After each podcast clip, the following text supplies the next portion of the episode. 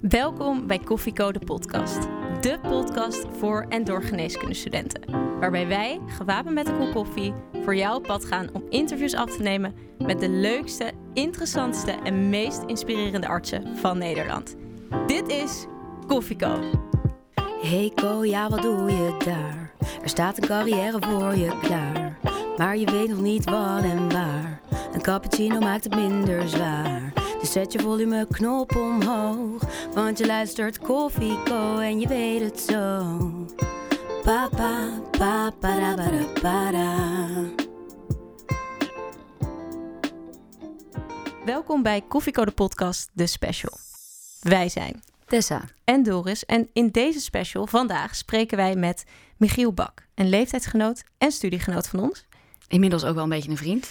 Misschien wel. Hij is net dokter, zelf ook patiënt geweest. En vandaag spreken we hem over het onderwerp jongvolwassenen met kanker.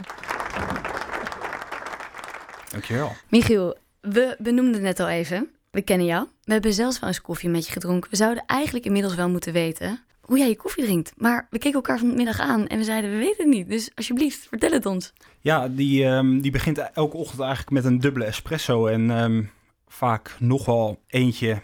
Als het iets minder gaat op werk, dan nog een derde. En dan eh, is het eh, richting de eind van de middag al een keer klaar. Ja, en wanneer drink je de laatste? Ah, twee, drie uur. Dat is wel de max. Ik stel je het voor als dokter en als patiënt. Je bent net afgestudeerd volgens mij, hè? Klopt. Tijdens onze studie geneeskunde word je echt nou, doodgegooid met het woord patiënt. Het gaat eigenlijk alleen maar over patiënten. Voor jou heeft het woord misschien ook een andere lading. Daar gaan we het zo over hebben. Wat vind jij van het woord patiënt? Ja, in de regel is een patiënt iemand die ziek is en onder behandeling is. In, ja, in het ziekenhuis of ja, bij de huisarts. Voor mij persoonlijk is het niet dat het woord patiënt iets anders met mij doet, denk ik, dan mijn collega's. Kan je eens vertellen waarom jij patiënt bent geweest of misschien nog steeds bent? Jazeker. Op mijn eh 14 heb ik de diagnose lymfeklierkanker gekregen. Ook wel in de medische term de ziekte van Hodgkin. En ehm, ik ben eh, gedurende zes, zeven maanden ben ik behandeld met eh, chemotherapie. In het uh, Kinderziekenhuis hier, niet eh, ver vandaan. Jeetje, op de plek waar je nu, nou ja, net afgestudeerd bent eigenlijk. Hoe kwam je er toen achter dat je ziek was? Ja, ik ehm, ja, weet zelf nog heel goed de datum. 4 december 2008 op een donderdag. Dus de dag voor Sinterklaas. En dat is de dag waar ik samen met mijn ouders de, de uitslag kregen. En ik denk, ehm, na een paar weken daarvoor was ik eh, flink ziek geweest. En het resultaat daarvan was een, was een grote blijvende bult in mijn, in mijn linkerhals. Mijn moeder is zelf huisarts van beroep en die vertrouwde het niet helemaal. En eigenlijk ehm, daarna volgde een heel medisch traject. Eerst ehm, ja, bij, de, bij de kinderarts, gevolgd door een eh, operatie waarin die klier dus werd weggehaald. Ja, toen eh, dit onfortuinlijke nieuws. Weet je nog hoe je het horen kreeg? Ja, ik werd opgehaald door mijn eh, moeder eh, van school. Want in de tussentijd ging ik gewoon naar school, want ik voelde me gewoon goed. En in plaats van dat we naar het lokale ziekenhuis eh, reden, vertelden ze mij dat we naar het Wilhelmini Kinderziekenhuis gingen. Zonder daar een duidelijke aanwijzing voor te geven. Eerst nog mijn vader ophalen was, het, was de boodschap. Voelde je toen al een foute boel? Nee. Ik speel nu, eh, nu je de vraag stel- stelt, speel ik het verhaal eigenlijk ook weer af. Ik weet nog wel dat ik binnenkwam en ik mijn vader daar huilend aantrof. Dat mijn moeder toen zei, Michiel, je hebt. Dat was zo onwerkelijk. Ik, ik weet nog wel dat, dat mijn eerste reactie was, ik ga dood. Ik heb mezelf opgesloten op de wc en daar, denk ik, voor een kwartier gezeten. En toen was het toch wel echt wel tijd om naar het Wilhelmini Kinderziekenhuis te gaan, naar het WKZ te gaan en het eerste gesprek met de kinderhematoloog te voeren over, ja, eh, over het plan van aanpak. Wat kun je je nog herinneren aan dat gesprek toen je daar binnenkwam? Vrij weinig. Ja, ik, ik weet wel dat we, ehm, dat we direct echt van start gingen. Het was, eh, was op een donderdag en maandag eh, stonden al de eerste scans gepland. En ik denk niet heel veel later al de, de eerste chemotherapie, de- die eh, uiteindelijk ook een week, eh, week duurde. En denk in de periode daartussen dat we ook met enkele andere behandelaren gesproken hebben om ja, over verschillende zaken te spreken. Maar het enige wat ik me kan herinneren is, eh, is de kinderhematoloog zelf, die ik eh, jaren daarna nog eh, gezien en gesproken heb. En hoe we daar met z'n drieën ja, in, in de spreekkamer zaten. Hoe heeft die arts een rol gespeeld in dat traject toen tijd? Als een vertrouwenspersoon. Ik heb altijd gezegd, ik ga wel in het bed liggen terwijl de verpleegkundige mij het vergif geeft. Wat ik toch al een betere strekking vind van het woord chemotherapie. En zij doen het, zij doen het werk wel. De afdeling Giraf in het WKZ was toenertijds een beetje als een tweede huis voor me. En met ontzettend goede verpleegkundige artsen. Zij was uiteindelijk ook echt een voorbeeld voor mij. Michiel, je was, je was 14 toen je dit te horen kreeg. Dat is best wel een leeftijd die, die je nog goed kunt herinneren. Had je voor die tijd ooit gedacht dat zoiets jou zou kunnen overkomen? Nee. Ik stond bijna elke dag op het hockeyveld, op de tennisbaan. Ik denk een hele actieve puber. Ehm, en ja, dan heb je nooit in je hoofd dat je, dat je of ooit de gedachte van dat je zo ziek kan worden.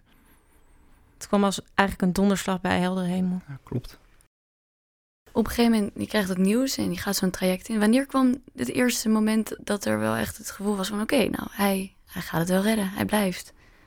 Ik denk dat wat wel ehm, gezegd is in het eerste gesprek... dat de overlevingska uh, overlevingskansen van, uh, van lymfeklierkanker... dat ze over het algemeen goed zijn. Volgens mij is er toen na, na drie maanden weer een CT-scan gemaakt of een, of een PET-CT... waar het al bleek dat de chemo in ieder geval zijn werk ging doen... En toen begon eigenlijk ook wel direct ook wel het vertrouwen te groeien. Ja. Michiel, ik vroeg je net over het woord patiënt. En nu heeft dat, nou ja, geen, uh, geen betekenis meer voor jou anders dan voor andere geneeskundestudenten. Maar op die tijd dat je opeens patiënt wordt, kun je je nog het gevoel herinneren dat je opeens patiënt bent? Hoe was je als patiënt? Ik denk in het ziekenhuis heel makkelijk. Zoals ik eigenlijk al net beschreef, ik ging liggen en het werk werd gedaan. Maar voor mij lag het probleem juist erbuiten. Ik stond elke dag op de tennisbaan, op het hockeyveld. En kon dat eigenlijk vaak niet meer doen. Ik heb nog wel zelfs um, tijdens mijn chemotherapieën getennist. Met mijn kale hoofd. En mijn toenmalige bekende rode pet. Vertel eens over je bekende rode pet. Ja, ik denk dat ik toch wel ja, een, een verschijning was op, op het tennisveld. Uh, dat je ja, als, als, als zieke jonge jongen gedurende je chemotherapie, waardoor je kaal bent geworden, toch nog wel tennist. Ja, er ging altijd een rode pet op mijn hoofd of een, uh, of een grijze muts. Ja, wat ik al zei, het probleem lag, lag juist erbuiten. Ik had veel moeite dat ik minder naar school kon gaan. Ik merkte ook dat ik, dat ik steeds onzekerder werd over mijn eigen lichaam, maar ook voornamelijk over mijn kaalheid dat bereikte eigenlijk zijn hoogtepunt toen ik in een volle aula stond en mijn muts werd afgepakt. En daar stond ik dan met mijn kale hoofd, honderden ogen op me gericht. En ondanks dat dat maar één keer gebeurd is, is, is het jarenlang bij me gebleven. Omdat het zo'n deuk op mijn zelfvertrouwen heeft gegeven. En kan je je vinger opleggen wat daar zo erg aan was voor je? Omdat je echt dan als zieke jongen wordt aangekeken. En dat was, was niet alleen op dat desbetreffende moment in, in de aula, maar ook eigenlijk de hele tijd op school. En na een tijdje word je gewoon gezien als de zieke jongen en kijken mensen voor je gevoel en waarschijnlijk ook in het echt veel meer naar je. Eigenlijk ook uh, toen ik niet meer ziek was, kreeg ik nog steeds associatie als mensen naar me keken dat er iets met me aan de hand was. En dat is eigenlijk tot een aantal jaar is het gevoel bij me gebleven. Je, je gaat naar het ziekenhuis toe, maar je gaat er ook weer uit. En eigenlijk daar pas begint die confrontatie. Klopt. De dingen waar je dan tegenaan loopt, het niet meer kunnen sporten, je vrienden die anders naar je kijken, het gevoel dat je niet meer ongezien over straat kan. Is dat een universeel probleem voor jongvolwassenen met kanker? En dat de dingen waar zij mee te kampen hebben? Zeker. Wat ik denk wat wij als als aanstormende dokters of als dokters niet heel goed in de vingers hebben, is dat wij heel erg op het moment dat een patiënt binnenkomt bij ons in de spreekkamer, dat we heel erg bezig zijn om iemand beter te maken. Maar we hebben niet goed zicht op hoe iemand uit die spreekkamer loopt. Welke vragen het consult met zich meebrengt. Maar ook onzekerheden die al thuis speelden. Ik denk dat wij dus in dat eerste stukje als dokters heel goed worden opgeleid. Maar dat het stukje daarna, dat daar nog heel veel verbetering voor is. En dat ook dat juist het probleem is bij jongvolwassenen met kanker. En niet alleen jongvolwassenen met kanker, maar eigenlijk iedere chronisch zieke patiënt die tussen de 18 en 35 behoort. Waarom, waarom nu juist deze leeftijd? Eigenlijk is het voor ieder mens toch verschrikkelijk om ziek te worden. En ieder mens wordt daarin beperkt. Zeker, dat is ook echt zo. Alleen is de leeftijdsperiode tussen 18 en 35 een cruciale fase van iemands leven. Hij of zij is midden in zijn of haar ontwikkeling. En wat ik artsen heel vaak ook aangeven, is dat ze ook lastig vinden om die patiënten ook antwoord te geven op die vragen die ze hebben over relaties. Het krijgen van een hypotheek of verzekeringen. Andere onzekerheden als in vruchtbaarheid. Dat zijn typische zaken die in die leeftijdscategorie afspelen. Hoe ging dat eigenlijk bij jou? Ging jouw arts daarmee uh, daarover in gesprek over die thema's met jou? Toen er tijd of later? De kinderhermatoloog stond niet heel erg stil bij dit soort zaken. Ik merkte eigenlijk tijdens de transitie van de kindergeneeskunde naar de volwassenen geneeskunde dat, dat ik eigenlijk ook een beetje ja, verloren leek te gaan als patiënt. Daarnaast moet ik ook wel echt aangeven dat ik het zelf ook wel heel erg lastig vond om, om daarover in gesprek te gaan. Waarom was dat lastig voor je? Ik wilde door met mijn leven. Ik werd als 14-jarige uit het leven gerukt. En de puberteit is voor iedereen denk ik een hele belangrijke periode voor zijn of haar ontwikkeling. En ik wilde gewoon als Michiel, Michiel door en niet als die zieke jongen. Daar hoorde dus ook bij dat ik er gewoon niet graag over wilde praten, want het bracht me weer terug. Kon je er thuis of met vrienden wel over praten? Nou, tot op de dag van vandaag vind ik het heel lastig om met mijn ouders, zusje en broertje over te praten, omdat het gewoon heel confronterend is, ook voor hen. En met vrienden vond ik het ook lastig. Ik merkte voornamelijk dat de, mijn vrouwelijke vrienden het heel fijn vonden om erover te praten. En dat het wel wat anders was bij mijn mannelijke vrienden. Die vonden het lastig om hier het over te hebben. En ik vond dat op het begin heel fijn. Dat je gewoon met hun dus wel even Michiel de puber kon zijn. Ja. ja. Maar dat werd later wel lastig. Welke vraag had je gewild dat ze je hadden gesteld? Gewoon de oprechte vraag: hoe is het met je? Ja. Wat was het moment voor jou dat, het, dat die omkeer kwam? Dat je er eigenlijk wel over wilde praten? Ik merkte dat ik tijdens mijn studententijd heel erg in de verwerkingsfase terecht kwam. En dat er toen allemaal vragen in me opkwamen over mijn prognose. Zaken zoals vruchtbaarheid. Ga ik ooit een relatie krijgen? En ook was ik nog steeds dus onzeker over mijn lichaam, wat onder andere door de chemo en prednison heel erg veranderd is. En toen merkte ik ook dat ik heel erg behoefte had om daar wel over te praten. Maar ik denk, net zoals de puberteit, is de studententijd een tijd van ontwikkeling waarin voornamelijk leuke dingen centraal staan.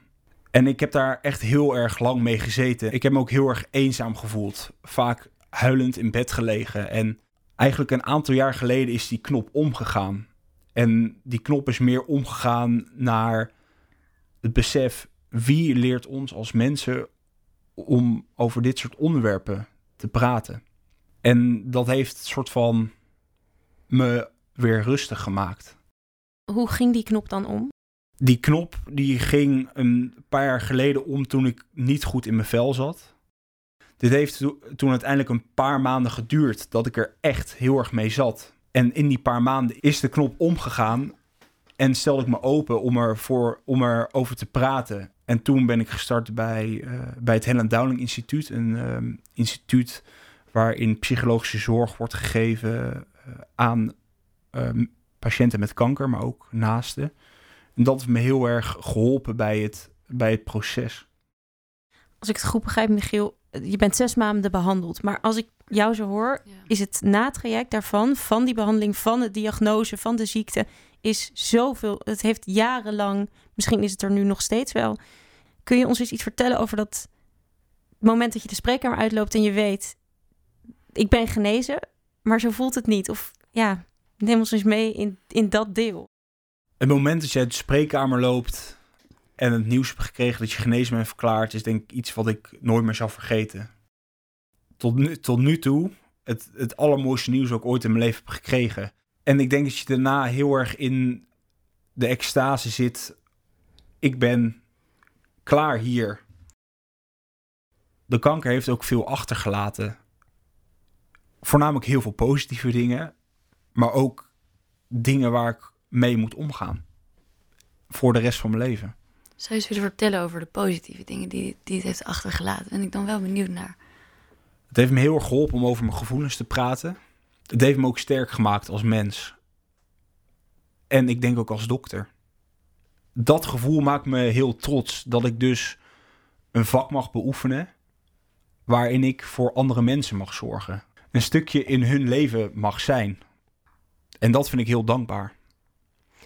Ik ben heel dankbaar dat je dit allemaal hebt willen vertellen. Ik ook. Ik vind het echt een, uh, ja, bijna fijn dat je er zo open over wil praten hier. En dan wil ik je echt even tussendoor voor bedanken. Dan rest me eigenlijk nog één grote vraag is, ben jij dokter geworden omdat jij patiënt bent geweest? Of hebben die het met elkaar te maken, voor jouw gevoel? Ze hebben zeker met elkaar te maken. Ik weet dat ik als uh, tienjarig jongetje een, een boek heb gekregen over het menselijk lichaam. En daar ook over verbaasd was, hoe mooi dat was. Mijn moeder is huisarts en ik kon vaak niet wachten tot ze weer thuis kwam met bepaalde verhalen. Ja, en zelfs tijdens mijn periode als patiënt ben ik een beetje verliefd geworden op, op het ziekenhuis. En vind ik het, wat ik net al zei, gewoon heel bijzonder om voor andere mensen te mogen zorgen. Ik vraag me dan af, als je daar komt als 14-jarig jongetje en er wordt vergif in je gespoten, wat je zelf letterlijk zegt, dan, dan je wil alleen maar wegrennen. Hoe kan het dan dat het ziekenhuis toch jou heeft getrokken om geneeskunde te gaan studeren, ondanks wat je hebt meegemaakt? Dat denk ik dan. Ja, het is het allermooiste vak wat er is. Ja. Michiel, je vertelt nu echt prachtige, positieve dingen die deze periode jou heeft gebracht. Maar er zijn ook dingen, zoals je zelf zegt, waar je je leven lang aan vastzit en waar je moet meeleven die minder leuk zijn. Wil je ons daar ook over vertellen? Ik denk voor mij wat, wat heel erg op de voorgrond staat, is chronische vermoeidheid.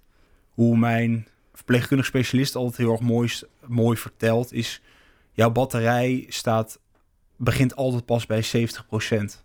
Ik heb echt periodes gehad dat ik vaak uh, na college, na kooschap, maar ook in het weekend echt moest bijslapen om weer te kunnen functioneren. Die chronische vermoeidheid heeft me ook doen twijfelen of ik wel het beroep arts aan zou kunnen. Maar naast die chronische vermoeidheid ehm, heb, je, heb ik ook veel onzekerheden gehad over de terugkeer van de kanker.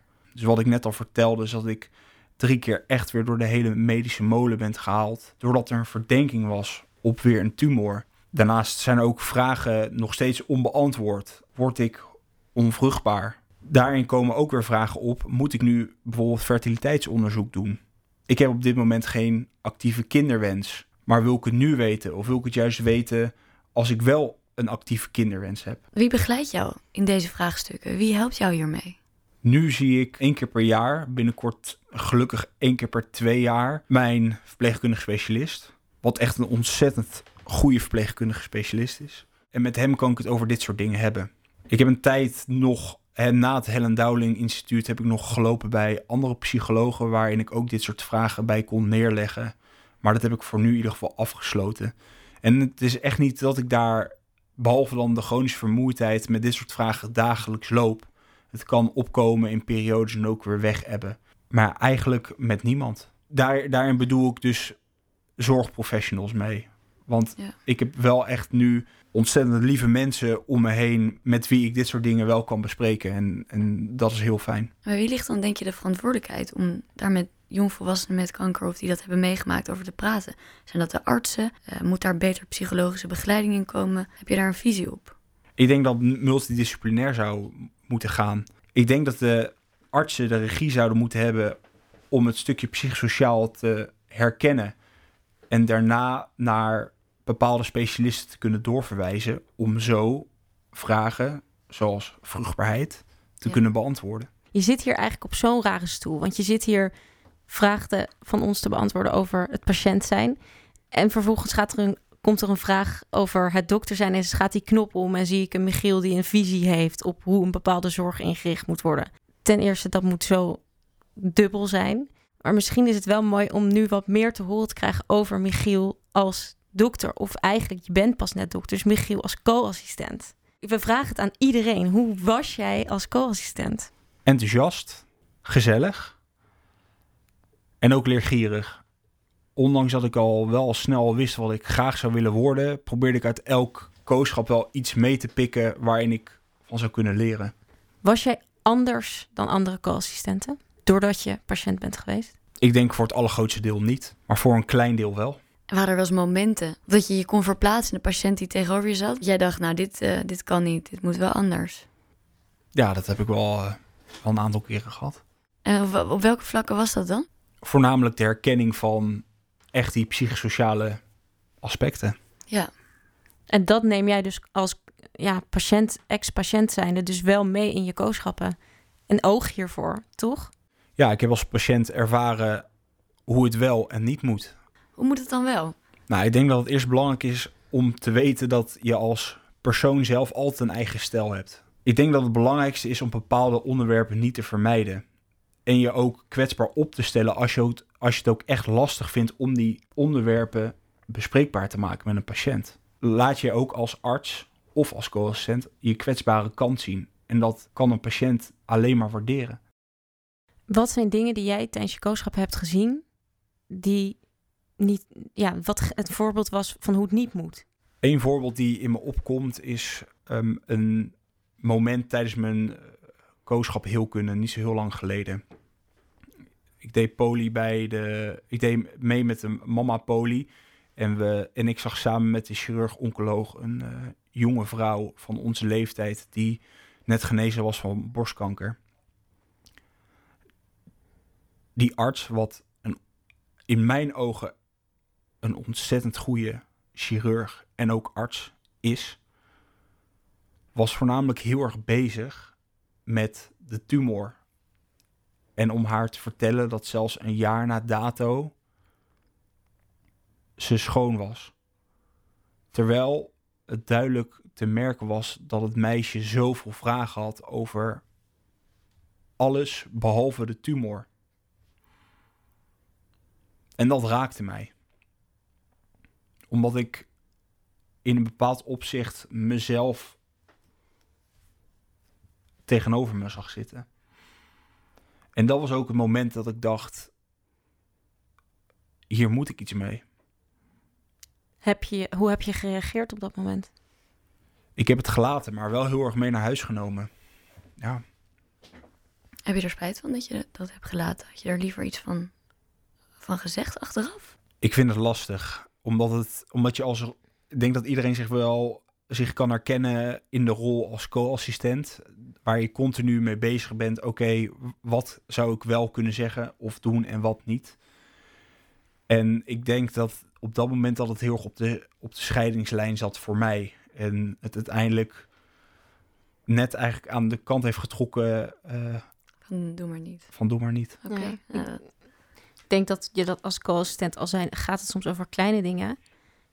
Je, je maakt allemaal wel een keer mee dat je in je hoofd denkt: kan ik het zeggen? Zal ik het doen? Zal ik onderbreken? En je doet het niet. Nee. Klopt. Maar je dacht wel, ik ga er wat mee doen. Ja. En wat was dat dan voor jou? Wat wilde je ermee gaan doen? Het moment triggerde me heel erg om dus dit soort dingen meer bespreekbaar te... Om dit soort... Sorry. Het triggerde mij om dit soort zaken meer bespreekbaar te maken tijdens de opleiding. Ik ben van mening, hoe jonger geleerd, hoe beter gedaan. En ik denk dat bij um, het bespreken van psychosociale problematiek... dat het van belang is dat dat, dat zo vroeg mogelijk wordt aangeleerd. Omdat wij als dokters, in mijn ogen, bezig zijn met de gezondheid van iemand. En dat daar stukje psychosociaal heel erg belangrijk in is. Ja. Michiel, je bent dokter en ex-patiënt. Um, het lijkt me toch gek tijdens zo'n studie om over, bijvoorbeeld bij het vak hematologie, om over je eigen ziekte college te krijgen. Dat is gewoon een hele rare vraag die in mij opkomt. Maar hoe is dat? Ja, het is ook heel vreemd. Ik weet nog heel goed dat we een college kregen over de latere gevolgen van kanker op de kinderleeftijd. En dat ik daarna verbouwereerd uit de collegezaal liep. Met zoveel meer vragen in mijn hoofd die ik ooit in mijn hoofd heb afgespeeld. En ik denk dat het überhaupt lastig is om um, als patiënt een medische studie te doen, omdat je bepaalde patronen denkt te herkennen bij jezelf en daarmee direct aan de bel probeert te luiden bij jouw behandelaar, terwijl het heel vaak gelukkig onschuldig is. Was dat ook hoe dat is gegaan? Je zei, had hiervoor dus verteld dat je een paar keer nog door de medische mode bent gehaald omdat er werd gedacht dat het terug was. Was dat ook omdat jij, jij zelf dacht dat het terug was? Door bijvoorbeeld achtergrondkennis vanuit geneeskunde of had dat er niks mee te maken? Ja, dat is wel één keer voorgekomen. Dus dat is wel buiten die kerel om die je nu net beschrijft. Maar ik heb ook wel vaker mijn, eh, mijn verpleegkundig specialist met onrust, met, veel onrust gemaild over bepaalde klachten die ik op dat moment ervaarde. En ook direct een associatie maakte met voornamelijk ook kanker. Ja, dus na zo'n diagnose, het is gewoon niet voorbij, hè? Begint, of na zo'n, uh, juist dat je hoort, ik ben genezen. Het gaat nog jaren door. Dat is voor mij eerlijk gezegd best een eye-opener. Dat je, de, dat je dat zo zegt. Dat het echt, hoe, hoe, hoe lang geleden is het nu? Je bent nu hoe oud? 26. 26. Dus dat is 12 jaar geleden. En dan zes maanden daarna was het van Michiel, je bent genezen verklaard. Ja. Heb voel, je, voel je je nu nog patiënt? Nee. Nee, wanneer is dat er voor je afgegaan? Ik denk heel snel voor mezelf. Terwijl ik het nog wel echt al was. Maar op dit moment zit ik zo goed in mijn vel dat ik de associatie met patiënt en de persoon die ik nu ben niet kan maken. Nee. En ik wil wel daarbij ook zeggen dat ik niet een negatieve associatie heb met het woord patiënt aan zich. Maar op dit moment voel ik me geen patiënt. Nou, heel mooi. Dan heb ik nog wel even een vraag, want je bent student geweest en er wordt best wel veel gescholden met kanker. Hoe, hoe is dat voor jou? Ja, tot, je, ja. tot de dag vandaag heel pijnlijk. Ook door vrienden van je bijvoorbeeld? Ja. In jouw bijzijn? Ja. Het, het schelden van kanker brengt me elke keer weer terug naar mijn ziekteperiode. En afgelopen weekend was ik op een bol waar zoveel weer met kanker werd gescholden. En het duurde echt een tijd voordat ik weer kon slapen. En ik heb ook echt onrustig ervan geslapen. En het is echt iets waar ik, wat ik ook gewoon niet kan begrijpen. Het raakt zoveel mensen. En daarin bedoel ik dus zowel mensen die zelf kanker hebben, hebben gehad, maar ook hun naasten. En ik kan dan persoonlijk niet begrijpen dat je dit als scheldwoord of als stopwoord gebruikt. Het is eigenlijk ongelooflijk dat dat gebeurt. Het is zo raar. Je wel eens heb iemand wel eens even een vuist in zijn gezicht gegeven toen hij dat zei of niet? Nee, dat niet. Ik heb er heel vaak mensen op aangesproken. Maar wat ik zelf heel lastig vind, is als je het een keer, als je het bespreekbaar maakt en het daarna weer direct gebeurt, trek ik de conclusie dat er dat iemand zich er niks van heeft aangetrokken. Ga ik dan mijn aandacht weer verspillen ja. aan iemand die zich toch niet wil veranderen voor jou? Ik, als geneeskundestudent, wist jouw werkgroep, wisten jouw vrienden op de studie, want je zegt bijvoorbeeld dat je een keer een college had en het uitgelopen vol vragen, wisten mensen dat je ziek was geweest? Überhaupt, je vrienden die je in de studententijd hebt ontmoet, was het een soort geheim of was het, was het er? Het was geen geheim voor mij, maar ik vond het wel lastig om bespreekbaar te maken. Omdat elke keer als ik het vertelde en nu nog steeds vertel, dat mensen daar heel erg van schikken. En dat maakt het niet heel veel makkelijker. En het is ook iets met veel impact.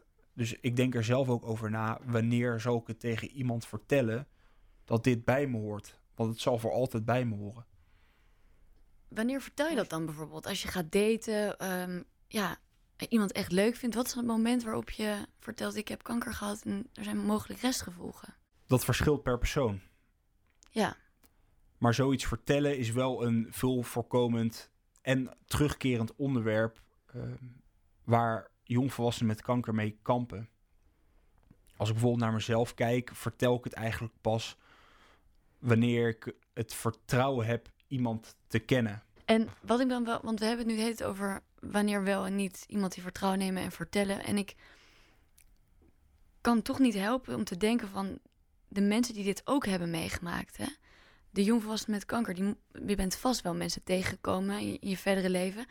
Is het met hen makkelijker om het over dit soort dingen te hebben? En hoe vind je steun in elkaar? Vind je steun in elkaar daarin? Het is zeker makkelijker. Je begrijpt elkaar. En dat is iets heel aparts.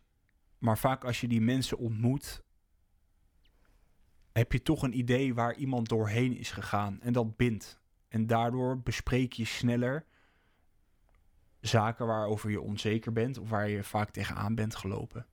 Je hebt, we hebben het nu over, over de jongvolwassenen met kanker of die groep. Ehm, we hebben je ook uitgenodigd, niet alleen als ex-patiënt, geneeskundestudent, dokter, sorry. Maar ook omdat je in het bestuur zit van een stichting die zich juist daarvoor hard maakt. Om juist die jongvolwassenen, eigenlijk het welzijn te verbeteren voor jongvolwassenen met kanker. Ehm, wil je vertellen bij welke stichting, welke stichting dat is en wat jullie missie is? Ja. ja, ik ben dus bestuurslid bij de Effort Foundation. Een stichting die zich inzet om het mentale welzijn van jongvolwassenen met kanker te verbeteren. En dit doen we aan de hand van kunst. En het doel is enerzijds om bewustwording te creëren van het mentale welzijn van jongvolwassenen met kanker. En aan de andere kant maken we dus gebruik van kunst om ook zo troost en herkenning te bieden. En we betrekken jongvolwassenen met kanker direct bij onze kunstprojecten om zo hen ook te helpen tijdens hun behandelingsproces of het proces daarna. Je kan de Effort Foundation eigenlijk niet noemen zonder niet ook uh, Floor van Liem te, te benoemen. Um, eigenlijk de vrouw met wie dit ooit allemaal is begonnen. Um, recent ook een heel mooi kunstboek uh, gelanceerd. Dat ligt ook naast jou, hè, Michiel. Um, De gemene deler. Samen met fotograaf Loet Koreman en tekstschrijver en ook moeder van Floor, Alexa Gatema. Zou je een stukje willen voorlezen? Ja. Waarom het de gemene deler is en, en wat dit boek eigenlijk inhoudt? Jazeker. Uh, dit stukje is eigenlijk ter introductie van het boek en zegt denk ik iets over hoe de jongvolwassenen met kanker in het leven staan. De gemene deler. Jongvolwassenen met kanker verbeelden het onzegbare. We hebben veel gemeen, wij jonge mensen met kanker. Zoveel waarover we soms zo moeilijk met anderen kunnen praten. Met anderen die niet ziek zijn. Met leeftijdsgenoten die een ongebroken leven leiden. Als we elkaar ontmoeten, hebben we weinig woorden nodig. Een blik zegt vaak al genoeg. Er is herkenning en er is troost. We zijn niet alleen. Maar we, willen we in onze situatie weer vooruit kunnen, dan moeten we de diepte in. Dieper naar binnen om te weten wat het ziek zijn met ons doet. Moeten we voelen waar de pijn zit en waar de angst om die beter achter ons te kunnen laten. Kanker is een gemene ziekte. Ook als die onder controle is, is er een dreiging. Want we weten maar al te goed dat ons lijf niet te vertrouwen is. Het heeft ons immer al een keer verraden. cellen deelden zich zonder onze toestemming. En toch, als we eerlijk zijn, is er ook in het goede veel dat ons verbindt. We weten hoe mooi klein leven is. We zijn boven het vanzelfsprekende uitgetild en zien schoonheid vlak voor onze voeten. We delen wat we gemeen hebben. Wat deze gemene ziekte van delende cellen met ons doet. We delen dat met elkaar en met jullie. Het is. Ja, wij zijn er allebei helemaal stil van. Ik vind het een beetje moeilijk. Ik vind het zo mooi. Het, het is, ik, voor mij is het een soort een, een prachtig gedicht wat zoveel zegt. Ja, het is prachtig geschreven. Wat is voor jou nou uit dit stukje het meest treffende? Waarin. Um, wat, er, wat, wat, wat, wat speelt voor jou het meest? Ik denk het stukje dieper naar binnen om te weten wat het ziek zijn met ons doet. En ook de regel, als die onder controle is, er een, is er een dreiging. Want we weten maar al te goed dat ons lijf niet te vertrouwen is. Dat lijkt ook bijna de kracht van dit stuk. Hè? Er zit wat in voor iedereen, in welk stuk van het ziekteproces dan ook. En kan je eens vertellen over alle mensen die aan dit boek hebben meegewerkt? Hoe, uh, want er zijn prachtige foto's in. Kan ja, je eens het verhalen vertellen? Het fotografieboek bestaat uit 66 foto's van 11 deelnemers. En daarin staan zes, zes gekozen thema's centraal. De thema's die daar besproken zijn, eh, de thema's die daar besproken worden zijn de essentie, de verkeerde versnelling, de zorgen om later, de remedie, de omgangsvormen en het einde. En Floor Verliemt, dus onze oprichter en voorzitter, en ook creatief brein achter dit boek, samen met Loet Koreman, fotograaf, hebben samen met elke deelnemer een passende foto gemaakt bij de thema's die ik net heb voorgelezen. En dat zijn allemaal artistieke foto's, gepaard door een kleine, korte, passende tekst. Wij zien dit boek vandaag voor de eerste keer. En voorafgaand in het interview hebben we er al een beetje doorheen mogen bladeren. Het ziet er echt prachtig uit. Prachtig, ja. En voordat we begonnen, vertelde je ons dat je eigenlijk ook wel een, ja, een foto hebt waar je meer over zou willen vertellen. Een van de foto's uit het boek. Ja, Is heel dat, graag. Zou je dat willen Pak hem doen? maar eens bij, Michiel. Ja. Even kijken hoor. Het gaat om twee foto's eh, met het thema de verkeerde versnelling. En die wordt als volgt geïntroduceerd. Nu is het moment. Nu moet het gebeuren. Ik trap het gaspedaal in, maar de automatische versnelling schakelt niet door. Sommige dingen moeten op pauze en tegelijkertijd voel ik me opgejaagd, op de hielen gezeten. Het is haast onmogelijk om mijn leeftijdsgenoten in de pas te blijven lopen. Maar dat is wel wat ik wil. En in dit. En bij, bij dit thema heb ik twee foto's uitgekozen.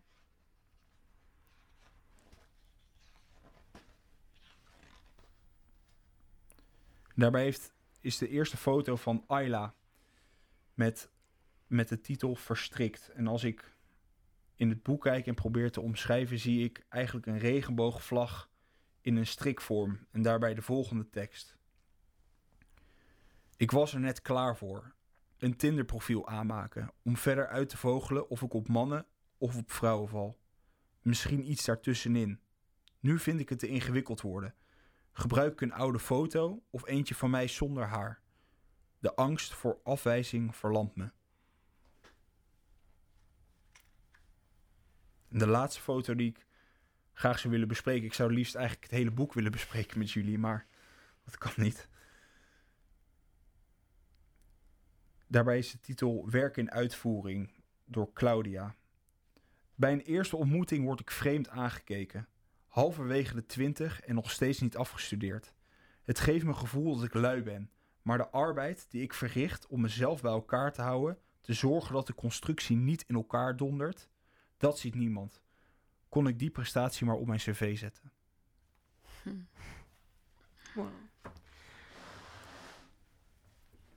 Misschien moeten we een aflevering maken met, met alleen maar foto's Ja. bespreken. Het is zo ontzettend, het is zo mooi, ja, het is zo pijnlijk en mooi en treffend.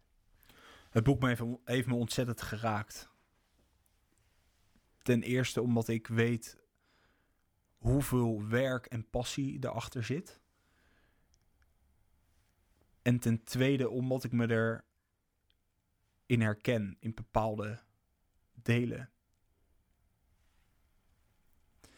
En het mooiste wat ik eigenlijk vond is dat we tijdens de dat ik tijdens de lancering de, verbond, de verbindenis tussen de deelnemers zag. Ja. Het waren niet elf afzonderlijke deelnemers. Het was één team. En ze waren zo trots op het resultaat. En dat wilden ze met iedereen en met elkaar delen. Ik heb kort twee deelnemers gesproken en die gaven aan dat hè, de deelname aan dit fotografieboek hen zoveel heeft gebracht in hun ziekteproces. En daar doe je het voor uiteindelijk. Wat brengt het jou om zo'n boek in je handen te hebben? Wat geeft dit jou?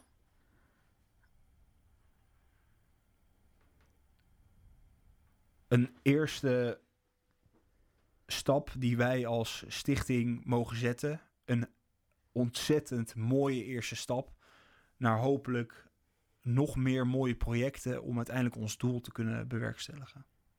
En dat is om meer bewustzijn te creëren voor deze jonge groep met kanker. Ja. Klopt. Wat, wat doet dat dan, bewustzijn? Wa- ja. Ja, wat, ja. Waarom is dat zo belangrijk? Het creëren van bewustzijn is zo belangrijk om meer aandacht te genereren voor deze groep. Jaarlijks krijgen 2700 Nederlandse jongvolwassenen in de leeftijdscategorie 18 tot met 35 jaar de diagnose kanker. En vaak voelen deze patiënten zich niet gehoord in het ziekenhuis om zaken zoals hun relatie, vruchtbaarheid, maar ook hun onzekerheden over de toekomst te kunnen bespreken met een dokter. En naast dat het, naast dat het aandacht zou moeten genereren in de gezondheidszorg, helpt het genereren van aandacht ook bij dat het makkelijker, hopelijk makkelijker wordt voor ons als maatschappij om over dit soort zaken met elkaar in gesprek te kunnen gaan. En dat, dat, ja, dat echo door eigenlijk in dit interview. Ook hetgene wat jij zelf zo moeilijk hebt gevonden. Klopt.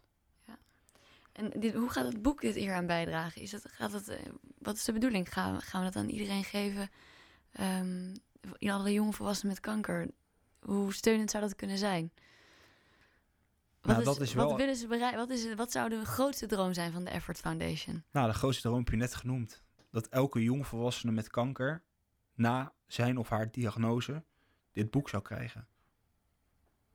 Zodat diegene weet dat hij niet alleen is. Ja.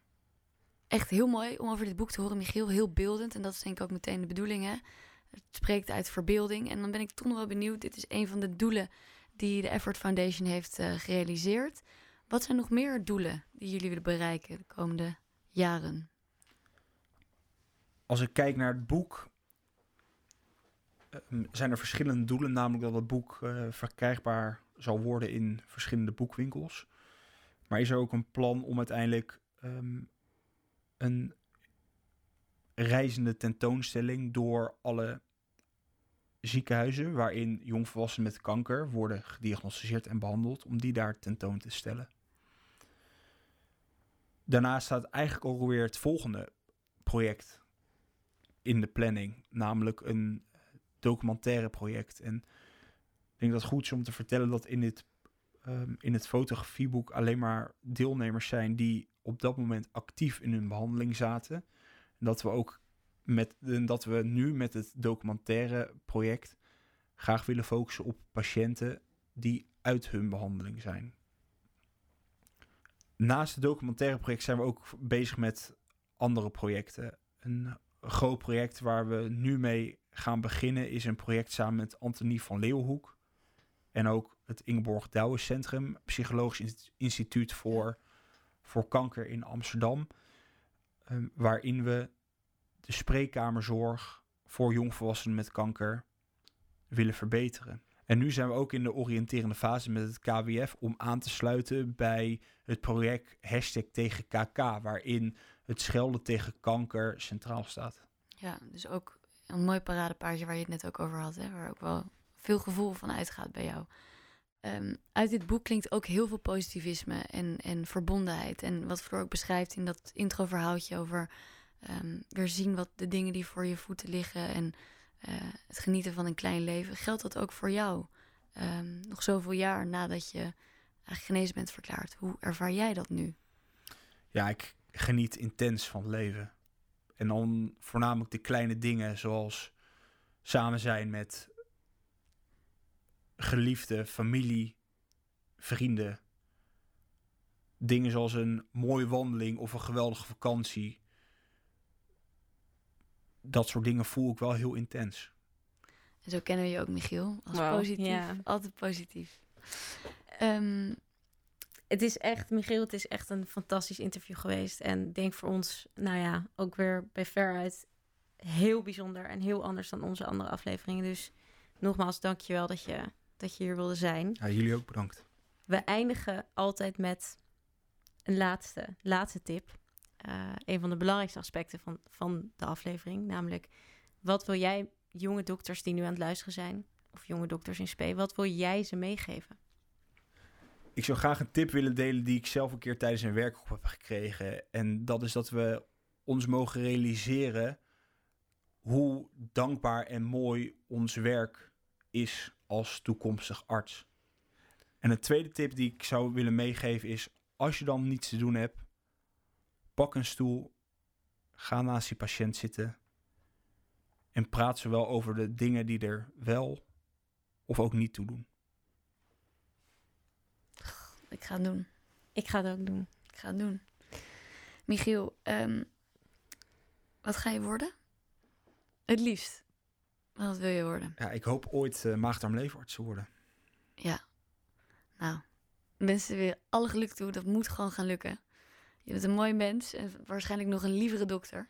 Michiel, heeft het jou niet gekriebeld of iets in jou getriggerd om met jongvolwassenen met kanker te werken? Heb je er ooit aan gedacht om hematoloog of oncoloog te worden of niet? Zeker, dat was ook eerst het plan. Maar ik kwam er al snel achter dat het ook echt voor mij te confronterend was. En toen heb ik die initiële droom laten varen. Hij heeft plaatsgemaakt voor een nieuwe droom. Zeker. Ook een hele mooie droom. Michiel, ik denk dat, uh, ja. nou, dat, dat we je als supergoede en uh, bewuste maagdarmleverarts hopelijk ooit terug gaan zien. En uh, voor nu gaan wij het koffietje inruilen voor het biertje. Ja, en even napraten. Het is lekker weer. Ik wil nog even zeggen, Michiel, um, vanuit ons heel erg bedankt dat je zo ongelooflijk eerlijk over je verhaal willen vertellen. Het was echt heel fijn om het hier ook met je te over te hebben als vriend. Um, ik, uh, ik hoop dat we wat mensen nog meer uh, ja, bewust hebben gemaakt van de dingen die ze kunnen doen voor jongvolwassenen met kanker. En ik wil toch nog even mensen aansporen om dit boek te kopen. Het is prachtig. Um, ja, er staan verhalen in. Deel met mensen, praat erover, want dat verdient dit boek en deze stichting. Goed om te weten, alle opbrengst komt ten goede van de stichting van de Effort Foundation. Daarnaast, luisteraars die ons op Instagram volgen, we gaan ook een boek verloten op de social media. Eh, dus houd in de gaten, want misschien ehm, hoef je hem niet te kopen, maar krijg je er eentje van ons. Dank voor het luisteren. En tot de volgende keer op Ecofico de podcast.